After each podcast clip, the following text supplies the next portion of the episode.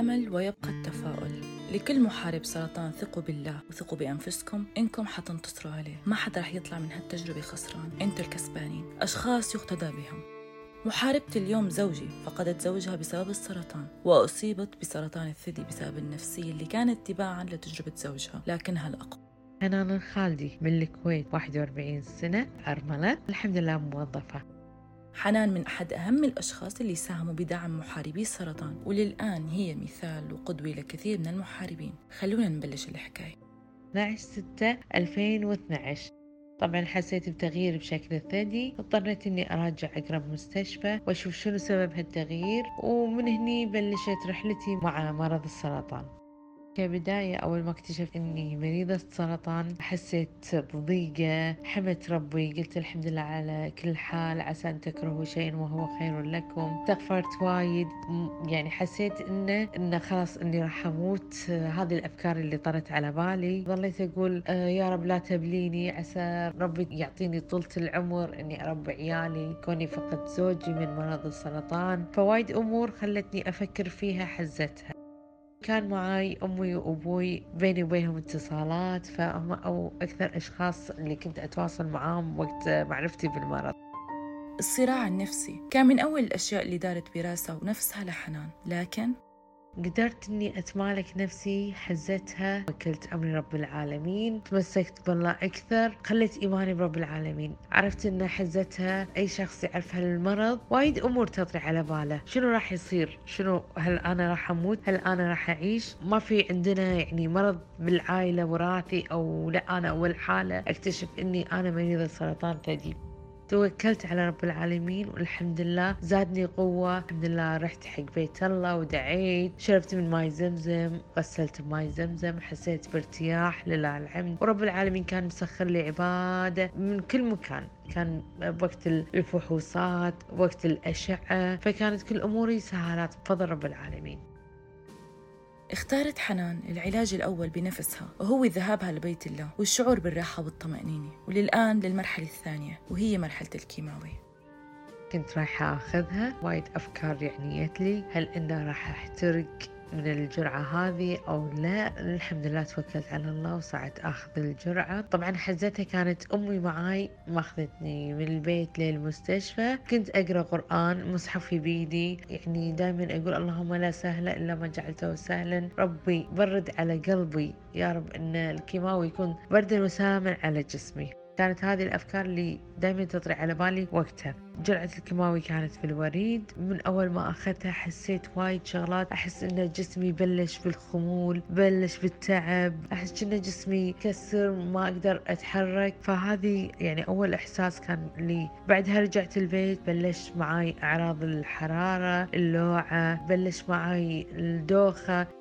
أيضا صار معي فطريات في الفم. يعني هذه الأمور صعبة بس الحمد لله إني قدرت أتغلب عليها حزتها. طبعا قبل الجرعة الثانية بلش الشعر يطيح. ما اهتمت بهالموضوع كثر ما أنا مهتمة إني بتعالج وأستمر بهذه الحياة. الألم بالعظام فالحمد لله قدرت إن فترتها إني يعني أتمالك نفسي إني أريح نفسي أكثر وأكثر. كان الأكل الصحي دائما يوصل لي أول بأول. كانت تجهزه حقي الوالدة إذا الوالدة موجودة الخدامة. الحمد لله يعني فترتها كانت صعبة بس لله الحمد قدرت إني أتخطاها. المواقف اللي ما بتنتسى وبترافقنا أو بنصادفها بأصعب اللحظات. في مواقف خلتني أتعرف على وايد مرضى وشجعوني أني أتغلب على المرض السرطان. تعرفت على دكاترة هناك كانوا يعني يحفزوني أني أتخطى هذه المرحلة ويطمنوني دايما. وفي مواقف صعبة طبعا بالمرة الأولى كانت آه، كل الأشخاص حواليني. بس لما اكتشفت مرضي بالمرة الثانية لقيت في أشخاص قاعد يتساقطون. تبين حقيقتهم. آه، يبين شنو هم داخلهم. بس لله الحمد قدرت ما أفكر فيهم. قدرت إنه إني أبعدهم من حياتي. لأن فترة العلاج بالمرة الثانية لما حاشي مرض السرطان بالمرة الثانية كانت وايد أمور كانت تضايقني بس اهتميت بنفسي. قلت أهم شيء أنا أنا قاعدة أتعالج. أبي نفسيتي تكون يعني ممتازة ما أبي أي شخص يأثر علي سلبي. الإصابة مرة ثانية بسرطان الثدي. مع الفحوصات الدورية اللي أسويها كل سنة كون إن حاشتني إصابة أولى. فاكتشفت مرة ثانية إن أنا مريضة سرطان الثدي للمرة الثانية طبعا وايد أمور تضايقت. حزتها استغفرت ربي وايد. قلت يا ربي ليش رجع لي المرض؟ خلاص يعني إنه ما راح أكمل. ولا شنو بالضبط؟ يعني توقعت إنه خلاص حياتي بتنتهي. بس لله الحمد آه، كان حجم المرض واحد سانتي كان صغير وكنت بالمرحلة الأولى قدرت إني أستمد قوتي مرة ثانية. بس طبعا قبل كل هذا قلت بروح العمرة أعمر وأريح اللي بداخلي كوني إني أنا أصبت بمرة مرة ثانية. أبي أرتاح أبي أزيد إيماني وقوتي. فضل رب العالمين.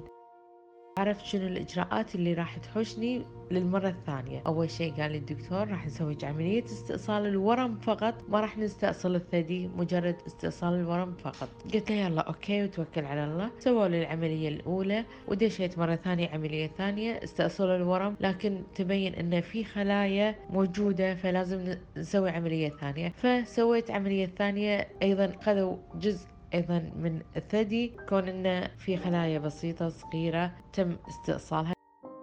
بسبب الالتزام بالفحوصات الدورية استطاعت حنان اكتشاف الإصابة للمرة الثانية لكن بوقت مبكر جدا.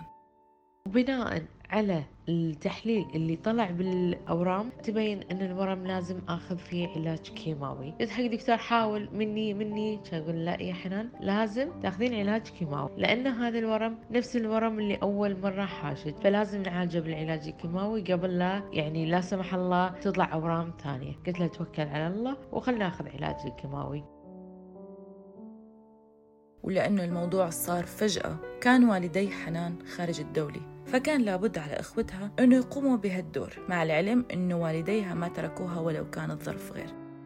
أول جرعة كيماوي كنت رايحة وداني أخوي الكبير حق المستشفى وأخذت أول جرعة كيماوي وكنت أكلم أهلي لايف شغلت الكاميرا وقعدت أسولف وياهم وأنا رايحة أخذ جرعتي وكنت لأول مرة أكون بروحي لما خذيت الجرعة الكيماوي. جاءوا أهلي قبل الجرعة الثانية. كانت أمي موجودة وأصرت أن هي تروح معاي فترة العلاج الكيماوي من الوقت الفلاني إلى الوقت الفلاني فكانت هي معاي. كانت تامة معاي مدة أربع ساعات. فالحمد لله قدرت أتخطى. كانت أربع جلسات كيماوي أيضا. رغم أن تساقط الشعر الرموش والحواجب بس هالمرة كنت أكثر ثقة أني أقعد بالبيت من غير سكارف من غير باروكة من غير أي شيء. أتم قاعدة قدام الكل كذي بكل ثقة لأني جربت المرحلة الأولى وخلاص عرفوني بالمرحلة الثانية كنت وايد واثقة من نفسي. ما همني شيء ما همني إني غير إني أبي أكمل علاجي وأستمر بحياتي. مثل ما كانت والدة حنان مصرة إنها تبقى مع بنتها بأصعب وأقصى اللحظات. لا تنسوا إنه حنان كمان أم. زوجها فقدت زوجها وتعرضت لمواقف نفسية صعبة كانت سبب بنقص مناعتها. عن نقطة القوة والسبب الرئيسي للانتصار عن الأم اللي بتحارب كل شيء لتكون وتبقى مع أولادها.